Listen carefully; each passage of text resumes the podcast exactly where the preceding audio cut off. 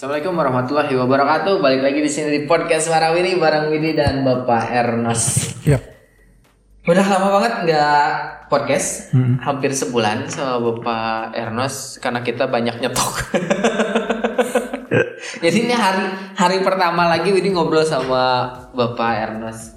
Hari ini kita mau ngomongin tentang Allahnya disembah, tapi hukumnya dianggap sampah Eh, sebenarnya yang mendasari Widi mau ngomongin itu karena ada beberapa kejadian eh, ya mungkin obrolan tetangga lah ya. Jadi pas apa? Pas dia lagi benghar mah bener-bener yang ah pokoknya mah menang duit sarana kumaha mah kumaha si eta. Tapi Hmm. pas si eta keur gering, ya Allah, asa kikir ting cenah ujian teh gitu. Asa kikir ting ujian teh cenah. Terus eh, dia sampai ya maksudnya iyalah intinya mah mengutuk dalam artian oh orang mah mendingan bunuh diri gitu kan. Ternyata Allah ternyata mere ujian teh memikir Hmm. Nah, berarti kan apakah gitu kan eh, apakah memang tipe-tipe orang-orang yang mungkin ada tanda-tanda munafik gitu pak? Atau memang kan sekarang juga yang sekarang kita lagi sering bahas secara offline kan ngomongin tentang sekularisasi liberalisasi Hmm. terus pluralisasi gitu kan. Nah kita mau ngobrolin bahwa kenapa ya itu tuh banyak terjangkit di umat muslim sendiri gitu pak? Kayak gini deh ya teman-teman kita yang masih di perbankan gitu kan dia kan mikirnya gitu maksudnya ah lu penting mah orang tidak berbuat salah. Ya maksudnya enggak apa teh tidak mencuri atau misalnya tidak merugikan orang lain dalam sudut pandangnya dia. Hmm. tapi ah lu penting mah orang kan masih kena sholat gitu pak. Sedangkan hukum-hukum Allah teh kan bukan sholat aja gitu. Ya sekarang ngomongin tentang riba aja pasti kan rata-rata ngomongnya teh ya ustadz ustadz mana heula pak? Hmm. Ya, ustadz dia ustadz fanatik dia Da orang bener ayeuna. Urang mah kudu fanatik ayeuna. Karena orang baheula mun setik-etik ah jangan terlalu fanatik sama agama yang biasa-biasa aja Ya, tapi lu biasa-biasa tuh Nah, itu. kan dari tapi pertanyaan. orang banyak akhirnya nge DM ke Ustadz Fatih Karim orang Oh, penasaran iya. Ustadz saya mau nanya curang Eh. teh kalau saya menja kalau saya ingin menjalankan syariat agama Islam sesuai tuntutan sunnah dan hadis itu termasuk fanatik nggak curang teh tapi itu dibalas sih ayeuna cuman orang pengen tahu ada nggak sih sebenarnya Islam fanatik Hmm. karena gini ada salah satu eh, kalau TNI bilangnya pejabat atau pangkat apa ya Eh, ini apa ASN tapi dia punya pangkat gitu punya jabatan Oh, lah. pejabat. pejabat Eh. TNI lah bilang pada saat kunjungan di Ujung Berung dia teh bilang ke ke para anak buahnya kita tuh jangan fanatik sama agama biasa-biasa aja. Semua agama maksudnya? Ya dia bilang ke Eh, semua agama, semua agama. oke udah ngerti. Kalau orang Islam ya kudu mun fanatik ke Kristen salah tuh. Ya salah tuh. Ya. Kan mana orang Islam. Ya. Tapi kalau orang Islam sendiri fanatik ke agama Islam, mau cek cerita salah oke, ya orang kan bingung. eh, eh, Nah, eh, makanya orang nanya ke Ustadz Fatih Karim, Ustadz pengen tahu ada nggak sih Islam fanatik? Hmm. Terus atau enggak sih menurut cek dirinya tadi ada nggak sih? Menurut sih Islam biasa-biasa aja kumah? Ataukah memang di Al-Quran ada nih Islam fanatik, Islam biasa aja. Islam fanatik mah puasa Senin Kemis. Yang wajibnya udah pasti ya. Maksudnya yang wajibnya rukun Islamnya dikerjakan. Mm-mm. Tah munu biasa-biasa saja mah rukun Islam nangkun wajib nangkun berarti sih ya tara puasa Senin Kemis. Benar tuh? Tara sholat sunnah ba'diyah Iya, qobliyah. iya, Maksudnya gitu. Tara sholat sunat taraweh. ya Yang sunat-sunatnya dia ngerjain. Tah kalau yang Islam fanatik semua dikerjain. Tah apakah gitu? Maksudnya gitu. Dah kan orang mahnya masih kene bodoh gitu. Iya, karena karena orang dulu pernah ngomong anggap ini kalau kayak Ustaz Devi dulu pakai baju koko ke mana tuh? Nah itu kan ah mana mah terlalu fanatik cenah ka, ka agama teh. Nya terus mun orang teh fanatik ka agama urang nya saha deui banyak orang kudu fanatik ka agama lain. Nah, maksudnya itu teh menimpa orang-orang yang muncul orang, Hmm. dia tuh punya eh, pengaruh Bener gak sih? Dia kan Ya, punya pengaruh. Iya. Tah takutnya dengan yang dia punya pengaruh itu mempengaruhi yang di bawah bener gak sih? Apalagi TNI, TNI Ya. kan kekompakannya tidak bisa diragukan Ya. lagi. Apalagi yang ngomong istilahnya jenderalnya lah Ah. gitu. Kalau TNI kan ya oh iya ya bener. Ah, ini orang sih gede eta sebenarnya. Tapi sebenarnya kalau yang jadi permasalahan saya gini, kayak kemarin yang saya pernah kirim. Mm-mm. Kalau radikal itu teh belajar bahasa Arab. Nah, Nah, yang lu belajar bahasa Mandarin banyak KPI, eh, KPI deh, komunis. heeh, harusnya mah gitu. Bener kan? Ya kan tuh lucu gitu. Maksudnya, oh si mah puasa Senin Kemis radikal, Nah. kan tuh lucu Ya, gitu. Makanya orang teh aneh kalau ada orang yang bilang jangan terlalu fanatik sama agama. Ya orang kan bingung Iya. ngapain akhirnya teh makanya orang nge-DM. Maksudnya pengen tahu ada nggak sih sebenarnya? Ya harusnya kan yang lebih menjelaskan fanatik apa enggak kan yang ustadz yang dia lebih berpengetahuan tentang agama dong gitu dibandingkan orang-orang yang tidak berpengetahuan Ya, tentang kurang pengetahuan tentang agama. Karena kan kalau ustadz tuh dijadikan patokannya ya gitu maksudnya teh. Ya, bukan anu orang mikir oke kan sebenarnya gini loh. Eh sebenarnya underlying kita berhukum teh ke mana Hmm. gitu. Eh ya balik lagi tuh eh, yang video obrolin tadi. Kenapa sih kita ngomongin tentang ah dan kita mah eh, ngikutin syariat berdasarkan eh, Quran dan hadis. Kenapa? Itu ternyata dilindungi oleh undang-undang Eh, Pancasila ayat pertamanya kan yang ketuhanan yang Maha Esa. Terus kalau misalnya di undang-undang dasarnya di pasal 29 ayat satunya untuk negara, eh, ayat 2-nya tuh buat kita bahwa Hmm. memang kebebasan untuk eh, beragama dengan kepercayaannya masing-masing gitu kan. Nah, berarti gini loh. Kan saya beragama Islam nih. Sesuai Quran sama hadisnya. Teh jelas. Misalnya apa? Oh, ada Islam mah harus misal gitu ya. Harus jenggotan kenapa ada itu mah hadisnya. Harusnya negara tuh melindungi itu dong sesuai undang-undang dasar maksud saya gitu loh, Iya. Pak. Terus kalau misalnya ada ya anggaplah tadi misalnya ada beberapa pejabat ngomong bahwa oh jangan fanatik. Sebenarnya udah menyalahi undang-undang dong sekuidi gitu karena undang-undang mengatur itu dan melindungi itu gitu loh, Pak.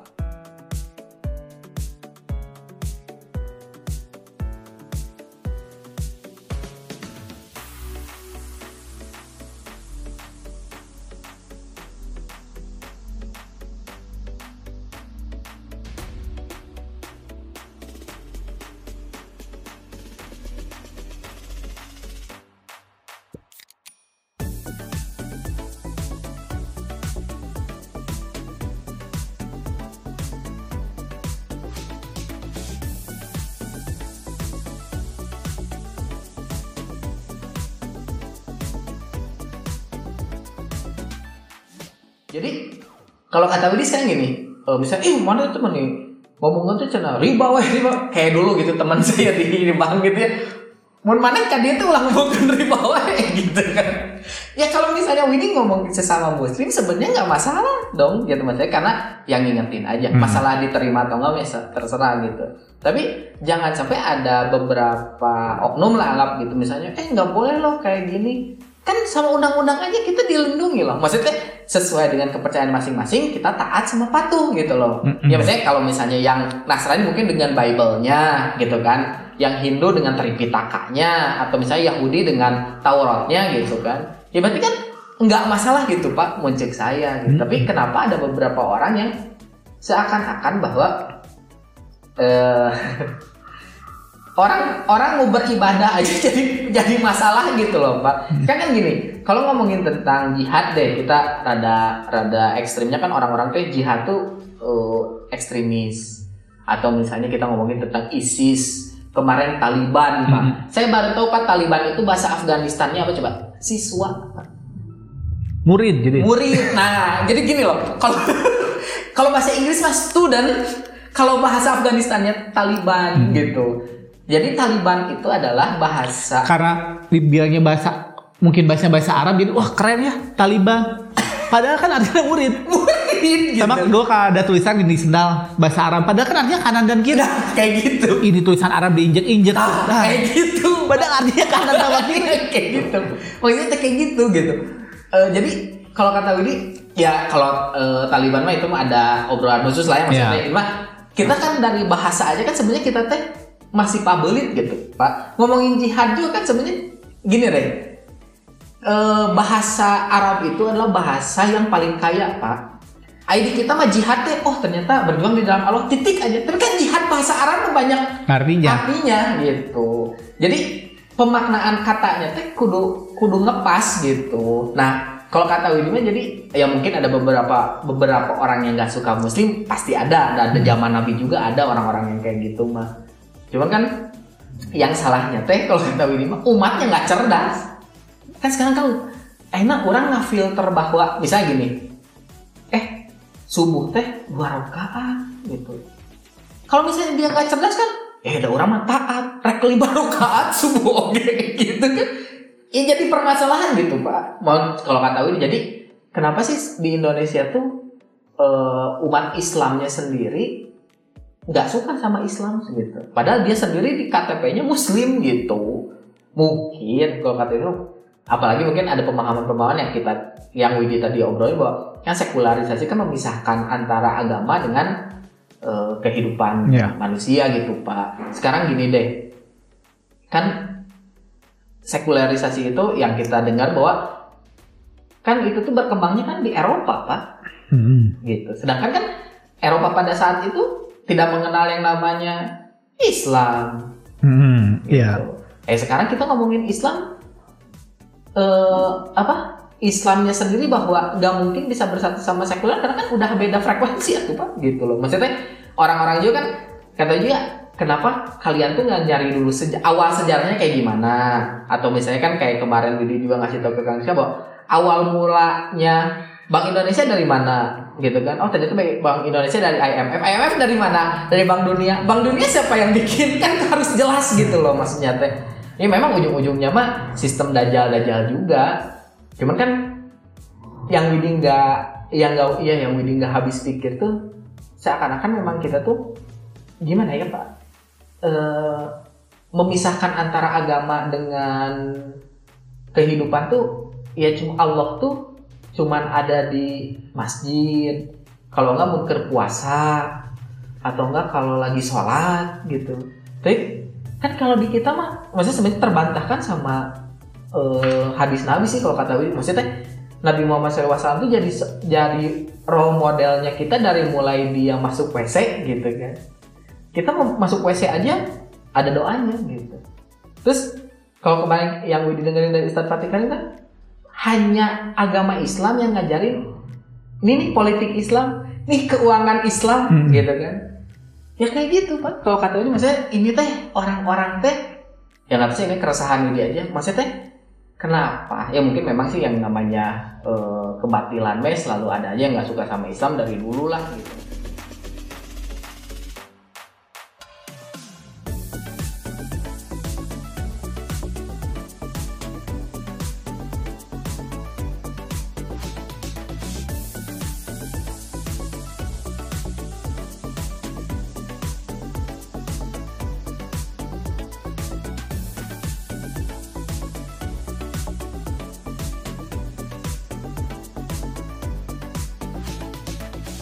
kita tuh harus balik lagi ke agama nenek moyang kita. Gitu kan kalau zaman dulu gitu kan kalau misalnya dirunut mah ya emang Adam agama tahun itu kan nenek moyang pas awal gitu loh. Kan agamanya aja udah Islam gitu.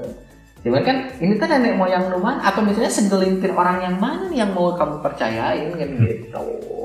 Ya itu mah cek orang sih Kang gitu. Karena pemahaman-pemahaman sekuler liberalisasi kan kita benar-benar liberal itu kan kata-kata liberal itu bahwa kita tuh ingin bebas sebebas bebasnya tanpa ada aturan. Ya, yang namanya manusia pak ya pasti paling pengen aturan.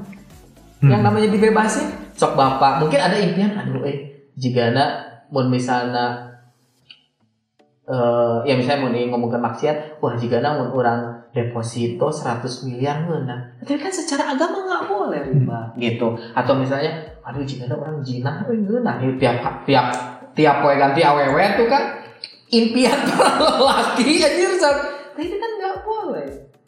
Nah itu loh misalnya eh, sebenarnya kan orang-orang yang menurut Widi ya yang menurut Widi berpahaman seperti itu kan karena mereka ingin bebas nggak ada aturan. Kan kata bapak sendiri kalau kita ngikutin muslim ya ngikutin Al-Quran sendiri kan ribet pak. Iya. sok hidup segala diatur atur. Ya, tapi eh, sebenarnya yang mau kurang gitu maksudnya teh. Kalau bebas tuh sebenarnya enak di awal. Tapi akhir-akhirnya tuh jadi masalah gitu. Orang mah selalu gitu apa-apa. Sekarang segala sesuatu karena memang nanti belum ada efeknya apa-apa. Sekarang Ya. kayak kita buat eh, kayak ya udah deh kita hancurin dunia buat dunia baru. Eh, Bebaskan nggak ada aturan sama sekali. eh, Kan akhirnya iya oh iya enak ya bisa gini. Tapi kan lama kelamaan pasti timbul masalah, Masalah. juga gitu maksudnya gitu. Kalau namanya ya namanya orang nggak ada aturan sih memang pasti enak di awal. So kan kayak kalau nggak ada aturan, iya eh ini mah ada orang yang masih sedikit nih. Ah lampu merahnya udah kosong, berem ge maju eh, eh. eh. Ya lama kelamaan orangnya nambah banyak, eh justru itu boga mobil eh orangnya beli.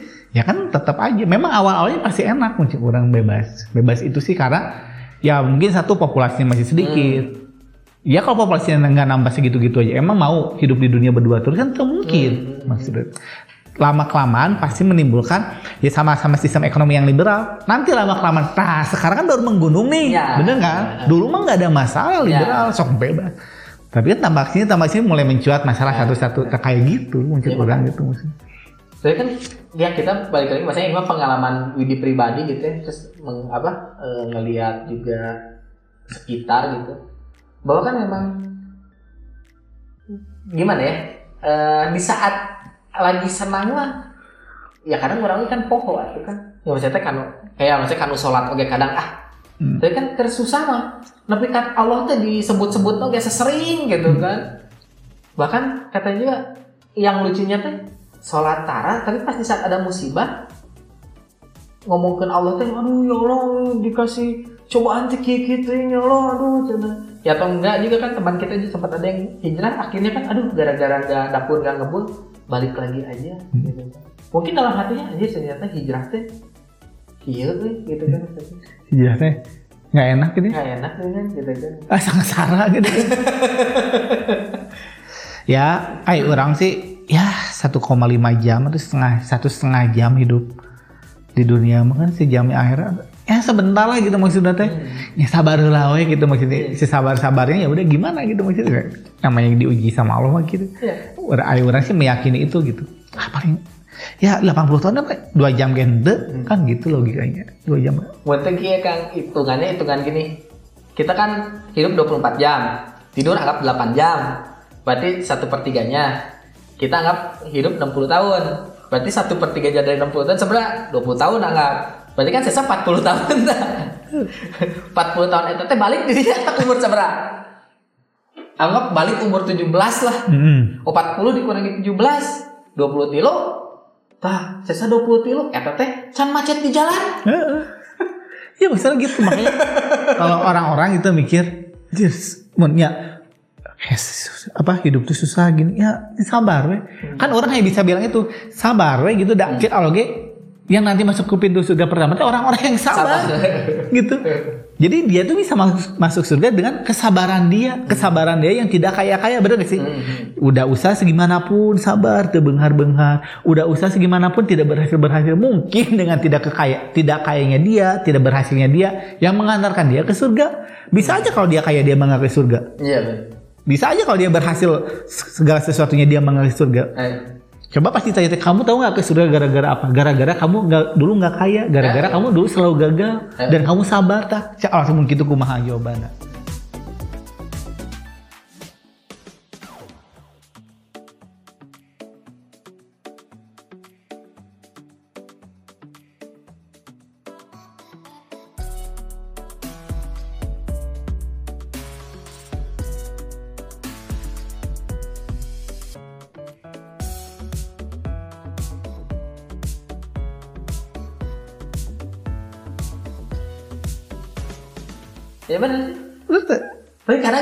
Kang mau pikir bahwa memang sebenarnya kita nggak percaya Allah sih sebenarnya.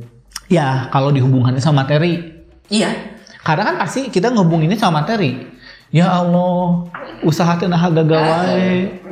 Ya Allah gitu. Pasti dihubungannya sama materi kalau nggak sama kesehatan ya Allah, kenapa saya nggak sembuh-sembuh?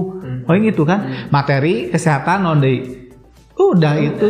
Oh, anak ya Allah kenapa saya nggak punya anak terus gitu. Atau enggak, ya Allah kenapa saya punya anak terus? Gitu. Nggak bisa berhenti ya, ya kan? ya sebenarnya balik lagi ke, ke orangnya sih gimana menyikapinya gitu Iya. maksudnya. Dan kadang-kadang orang-orang tuh gini loh kan Eh, ya itu yang kita obrolin tadi bahwa hukumnya Allah tuh dianggap sampah seakan-akan gini eh kamu nggak boleh loh riba sama Allah teh. Eh, haram. Kenapa haramnya? Itu tuh sama dengan memerangi Allah dan Rasulnya.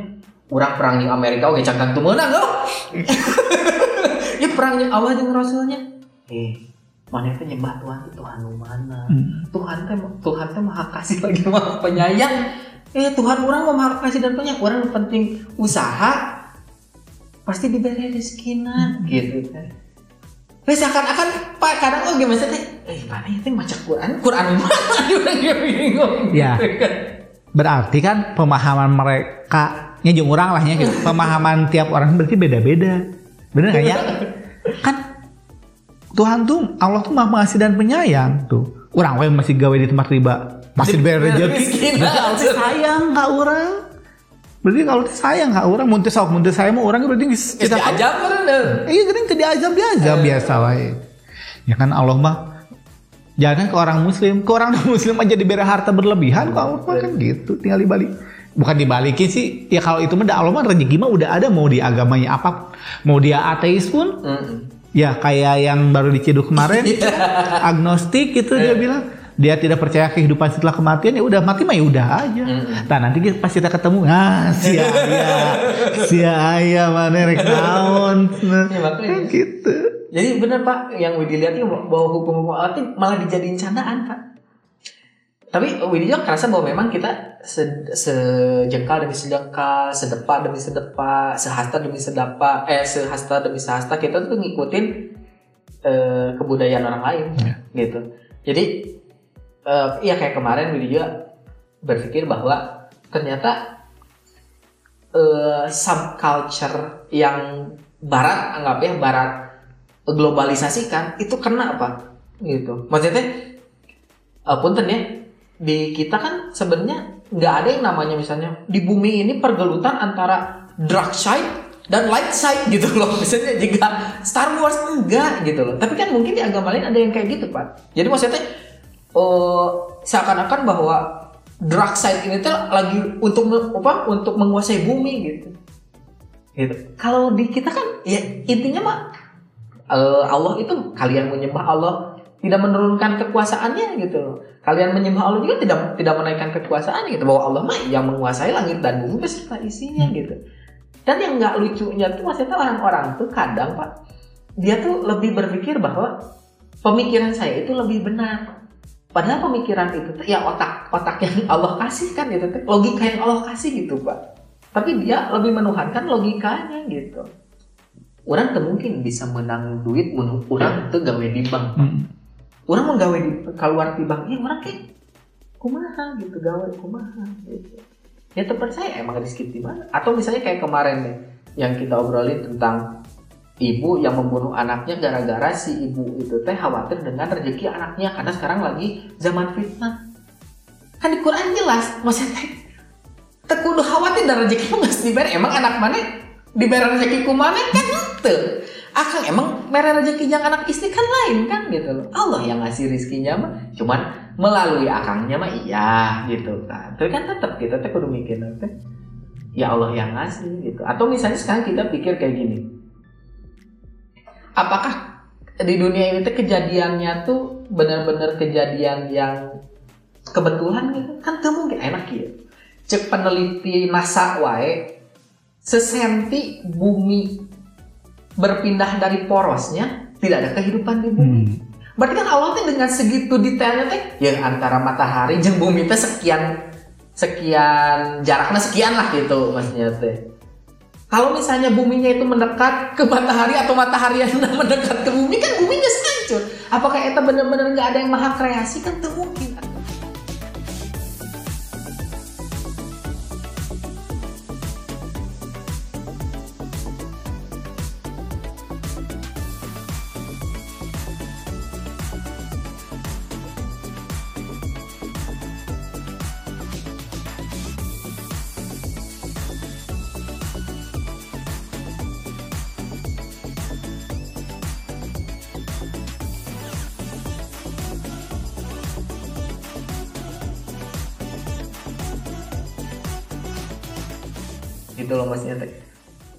Masalah tentang bumi wae eueuh tiangna nah meninggikan langit wae. Maksudnya Allah teh bisa banyak sih kan Allah merek didinya 100 miliar tuh bisa.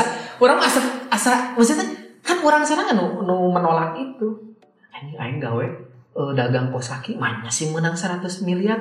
Kan orang sendiri yang mendeskripsikan Allah tuh ternyata lemah gitu. Padahal kan ya Widi gitu kadang mikir bahwa Allah yang asalnya gitu kan istri akang di perutnya asalnya kosong. Tiba-tiba eh, ada segumpal darah. Dari segumpal darah jadi daging. Di daging bisa hirup. Ini ada matanya pak. Jantungnya udah, berdetak. Dari dari segumpal darah pak. Sok bapak ayat getih di gumpal-gumpal dong dari mana tapi maksudnya teh segitu kuasanya Allah gitu. Kalau ngomongin rezeki mah udah. Yang Widi pribadi gitu. Ya banyak kudu orang teh ragu gitu. Kalau kata Bang Dik doang mah kalau kita kita semua yang mikirin tugas Allah apa gitu? Allah tuh maha rozak gitu kan? Allah tuh yang mengatur seluruh rezeki di dunia ini. Nah orang mikir gitu. Oh gini banyak orang minta mini Cooper Allah tuh merek sih gitu. Loh cuman kan yang jadi permasalahannya jika akang lah misalnya si kakai minta mini Cooper akang bisa boga duit mah Nah, tapi kakak yang karena gue kelas 2 SD mana aing milikin Mini Cooper kan gitu loh. Mungkin Allah juga ngelihat kesanggupan kitanya gitu. Menurut orang pribadi sih mikir Hmm. gitu. Jadi mun cek Allah wah wih can saatnya gitu kan. Ya mungkin dua tahun dari sekarang atau misalnya lima tahun dari sekarang. Atau mungkin besok malam deh kamu eh, sanggupnya mungkin Allah kasih gitu. Nah orang sadar gitu. Mungkin sama gitu kalau ngomongin tentang hukum Allah juga. Nah hanya orang nggak hijrah asa kieu kieu kene? Ya balik lagi ke diri manehna gitu. Maksudnya mana hijrahnya bener ente gitu atau misalnya niat hijrahnya mana naon gitu jangan-jangan lifestyle deh kan gitu Tuh, tapi kan kalau lifestyle sekarang udah udah enggak sih sekarang udah enggak. Makanya udah nggak booming kayak corona kan. udah nggak booming.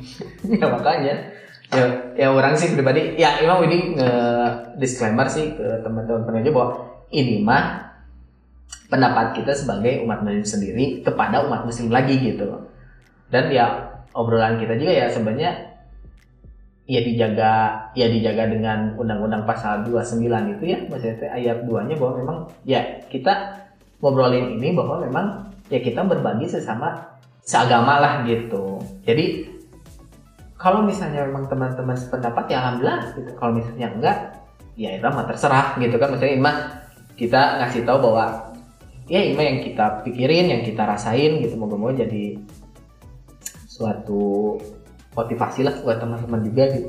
Yang bisa wae lu anjing aing kepikiran gini kan. Ya bisa wae gitu kan. Yang selama ini tidak terpikirkan itu jadi terpikirkan gitu. Oke lah. Ah, terima kasih untuk podcast hari ini. Terima kasih. Wassalamualaikum warahmatullahi wabarakatuh